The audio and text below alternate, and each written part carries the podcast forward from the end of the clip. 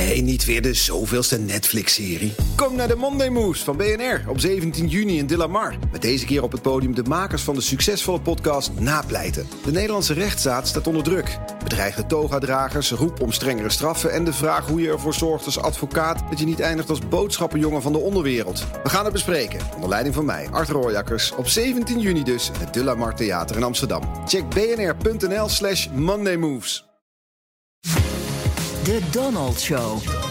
Tijd voor een update uit de United States of Trump... met onze correspondent in Washington, Jan Postma. Jans, Jan, eerst even lekker roddelen. Trump had afgelopen week een woede-uitbarsting over de peilingen. Vertel. Dat gebeurde in een uh, telefoongesprek met zijn campagneleider Brad Pascal. Dat is die, die grote kerel met, met die baard. Uh, Trump die had een paar interne peilingen te zien gekregen... die er echt niet goed voor hem uh, uitzagen. hij zou achterliggen op Biden in een paar belangrijke staten. En ja, Trump, Trump reageerde toen eerst met ontkennen. hij zei, I am not fucking going to lose to Joe Biden. Daarna zei hij dat de data niet klopte. En daarna dat het de schuld van Pascal was. En toen zou Trump volgens meerdere mensen hebben gedreigd... Pascal aan te klagen maar gezien de reacties van Pascal, uh, reactie van Pascal was dat uh, niet echt serieus. Eerder een grapje, want die zei alleen... I love you too, Mr. President.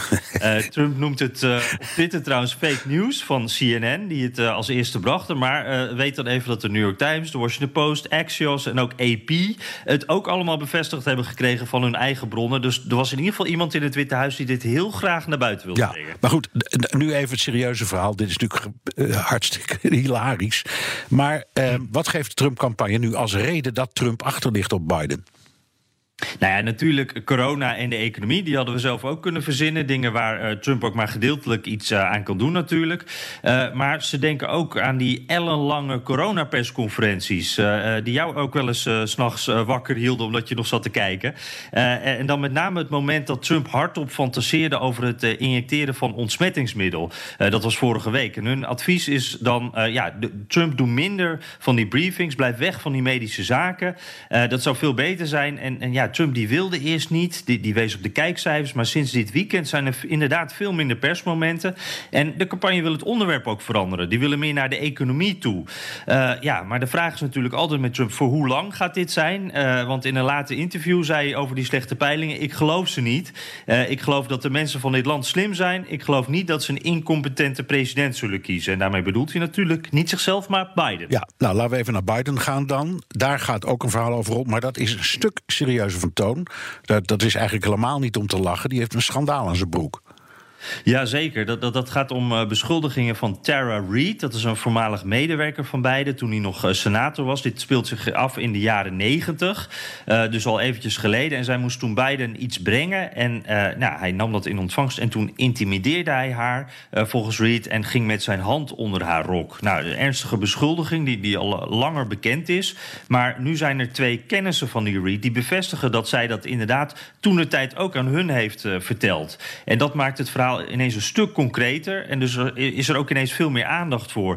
Uh, de Biden-campagne die ontkent het en houdt zich eigenlijk vooral stil, zoals ze met alles doen. Uh, geven ook geen nieuwe verklaring. En die hebben al sinds eh, begin april niet meer de pers te woord gestaan. Maar dit begint echt een serieuze test te worden voor Biden en zijn campagne. En dus voor de Democraten, die zullen zich ongetwijfeld zorgen maken. Ja, precies. Want die Biden die, die, die ontkent. Uh, partijprominenten die verdedigen Biden ook op dit moment. Maar ondertussen vallen Republikeinen natuurlijk die Democraten en Biden hard aan. Want ja, dit komt nogal hypocriet over. Toen Brad Kavanaugh, die, die rechter, die man voor, voor het Hoge Rechtshof, werd beschuldigd, uh, vonden Democraten nog dat die beschuldiging tot de bodem uitgezocht moest worden. dat de slachtoffer gehoord moest worden en ook altijd vertrouwd moet worden. Want uh, ja, uh, als je eh, over zoiets naar buiten treedt, dan zet je heel veel op het spel. Dus waarom zou je dat anders doen dan als je een goede reden he hebt? Maar ja, nu het om die Tara Reid gaat en, en hun presidentskandidaat Biden... Uh, en het hun dus eigenlijk niet goed uitkomt, blijft het stil. En, en heeft niemand eigenlijk echt veel interesse in dat slachtoffer en wat ze te vertellen heeft. En dat is wel een rare situatie. Want Trump is natuurlijk ook door allerlei vrouwen door van alles beschuldigd. Maar ja, daar stoorden Republikeinen zich dan weer niet aan. En nu vallen ze dan de Democraten juist aan. Dus hypocrisie aan beide kanten. Uh, maar het verschil is natuurlijk dat van Trump al bekend was hoe hij met vrouwen omging.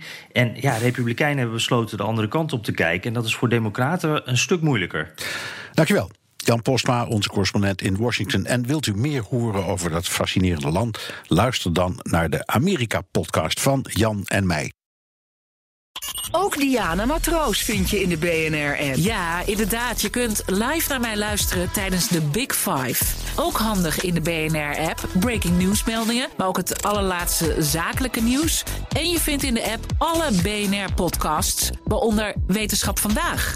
Download nu de gratis BNR-app en blijf scherp.